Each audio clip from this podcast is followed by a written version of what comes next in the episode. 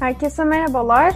Latin Pod'un yeni bölümündesiniz. Ben Cemre. Bugün de yine Melisa ile birlikteyiz. Nasılsın Melisa? İyiyim Cemre. Sen nasılsın? Ben de iyiyim. Teşekkür ederim. Bugün neler konuşacağımızdan bahsetmek ister misin? Tabii ki de. Bugün Latin Pod'da yeni bir seriye başlıyoruz. Bu serimizin her bölümünde farklı Latin Amerika ülkelerindeki siyasi sistemlerini inceliyoruz birlikte. Bugün de Şili ile başlamak istedik biz. Şimdi başkanlık sistemi denilince aklımıza her ne kadar Amerika Birleşik Devletleri ve onun muazzam denge ve kontrol mekanizmaları gelse de bu hükümet sistemi sadece oraya özgü değil artık. Latin Amerika ülkelerinin birçoğu bugün başkanlık sistemini uyguluyor ve Şili de buna örnek bir ülke. Şili diğer başkanlık sistemlerinden farklı olarak 13 ayrı bölgesiyle üniter bir yapıya sahip. Yani federal değil. Bu bölgelerin her birinde de başkan tarafından atanan idareciler bulunuyor. Görevleri ise kamusal hizmetlerin koordinasyonunu sağlamak ve kamu düzenini korumak. Ayrıca bu 13 bölge kendi içinde de illere bölünüyor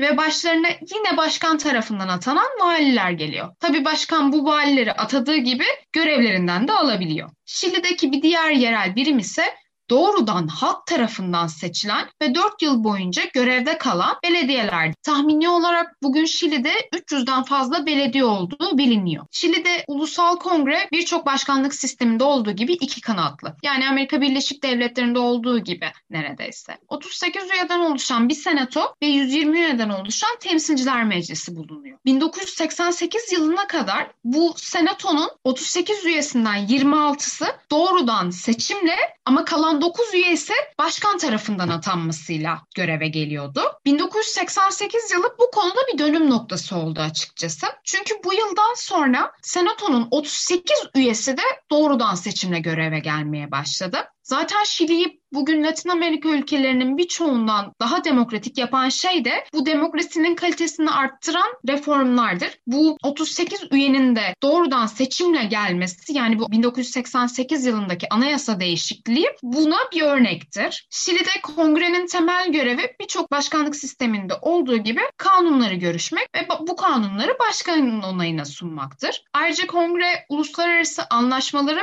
onaylama veya reddetme gibi gibi birçok göreve de sahip. Fakat söz konusu eğer hükümetin işleyişini gözetmek ise Temsilciler Meclisi Senato'dan daha üst planda. Yani şöyle diyebiliriz, Senato bu konuda sadece jüri veya danışmanlık görevi görüyor. Temsilciler Meclisi gibi herhangi bir aktif rolü yok. Diğer başkanlık sistemlerinde olduğu gibi yürütmenin başı Şili'de de başkan. Başkan yasamadan güven oyu almadan yani parlamenter sistemde veya yarı başkanlık sisteminde güven oyu zorunluluğu olmadan 21 kişilik bir hükümet kuruyor. Ayrıca başkan nasıl valileri görevden alabiliyorsa tabii ki hükümet üyelerini de görevden alabiliyor. Şili'de yasama ve yürütme organlarının seçim süreleri eş zamanlı. Yani Amerika'da olduğu gibi başkan seçildikten 2 yıl sonra yasama üyeleri seçilmiyor. Bir diğer deyişle de şöyle söyleyebiliriz. Amerika'da mesela eğer başkanlık seçimini demokratlar kazanıyorsa iki yıl sonraki yasama seçiminde cumhuriyetçiler kazanabilir. Ama böyle bir durum ne yazık ki Şili'de söz konusu değil. Çünkü dediğim gibi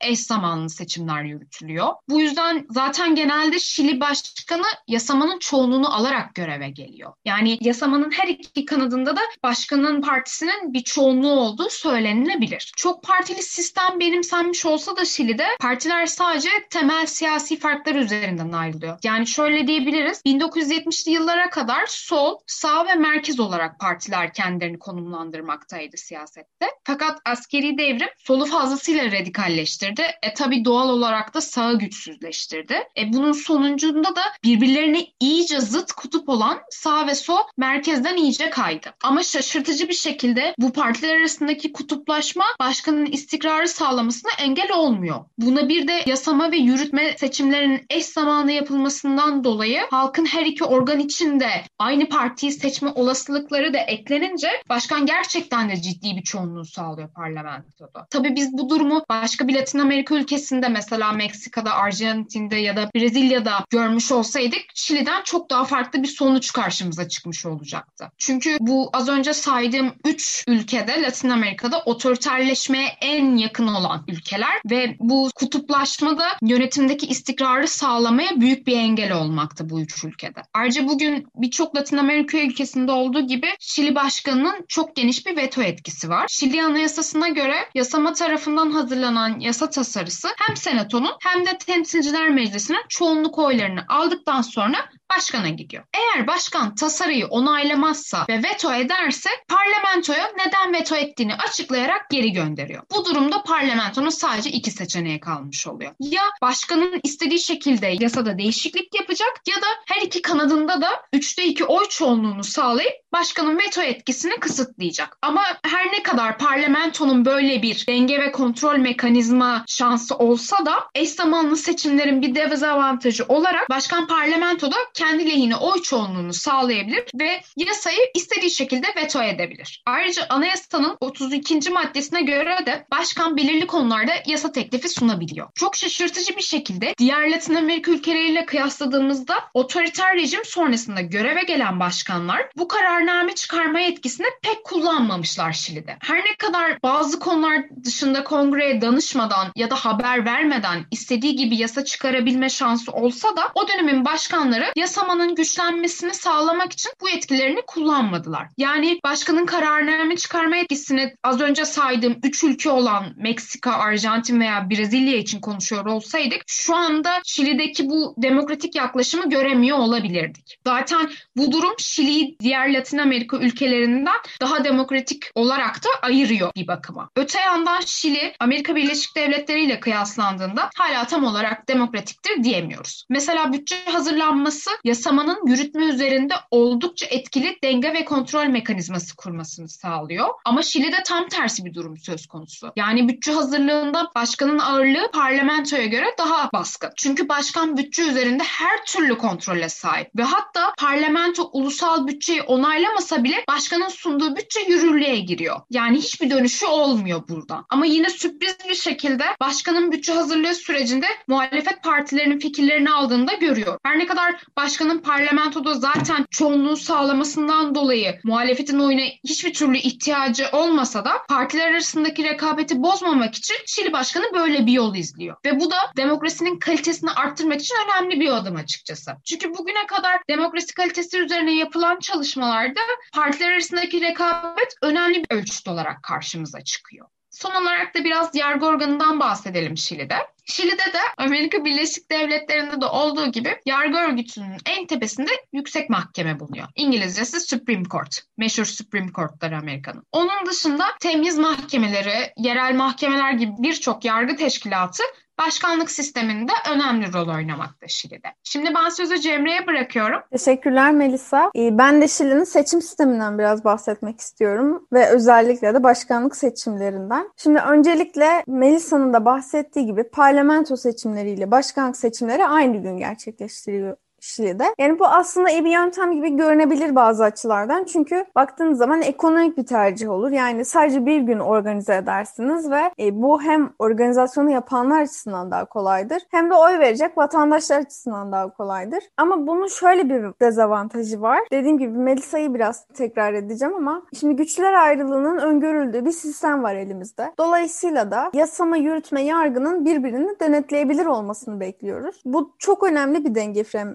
mekanizması. Ama şimdi seçimlerin aynı gün düzenlenmesi halinde çok yüksek ihtimal seçmenlerin tercihleri de benzer olacak. Yani başkan olarak seçtikleri kişinin partisi ya da işte bağlantısının bulunduğu parti yüksek ihtimal parlamentonun da çoğunluğuna sahip olacak. E bu durumda da bu denge fren mekanizması bir bakıma işlevsiz kalmış olacak. Aslında buna örnek gösterebileceğimiz bir tecrübesi de var Şili'nin bu meselede. Şimdi 2017'nin Kasım ayında e, hem başkanlık seçimlerinin ilk turu gerçekleşti hem de parlamento seçimleri yapıldı ve tam olarak az önce açıkladığımız gibi oldu sonuçlar. Piñera başkan seçildi ve Piñera'nın bağlantılı olduğu Chile Vamos koalisyonunda parlamentoda çoğunluğu sağladı. Sonra bunun etkisini nerede gördük? Seçimden 2 yıl sonra 2019'da Şili'de çok ciddi protestolar gerçekleşti. Bunlara şahit olduk ve bunlar e, çok şiddetli şekilde bastırılmaya çalışıldı. Hatta öyle ki iş Piñera'nın artık azledilmesine kadar, azledilmesinin tartışılmasına kadar gitti gitti. Ama tabii ki parlamentodan geçemedi bu. Yani alt meclisten daha geçemedi ama geçseydi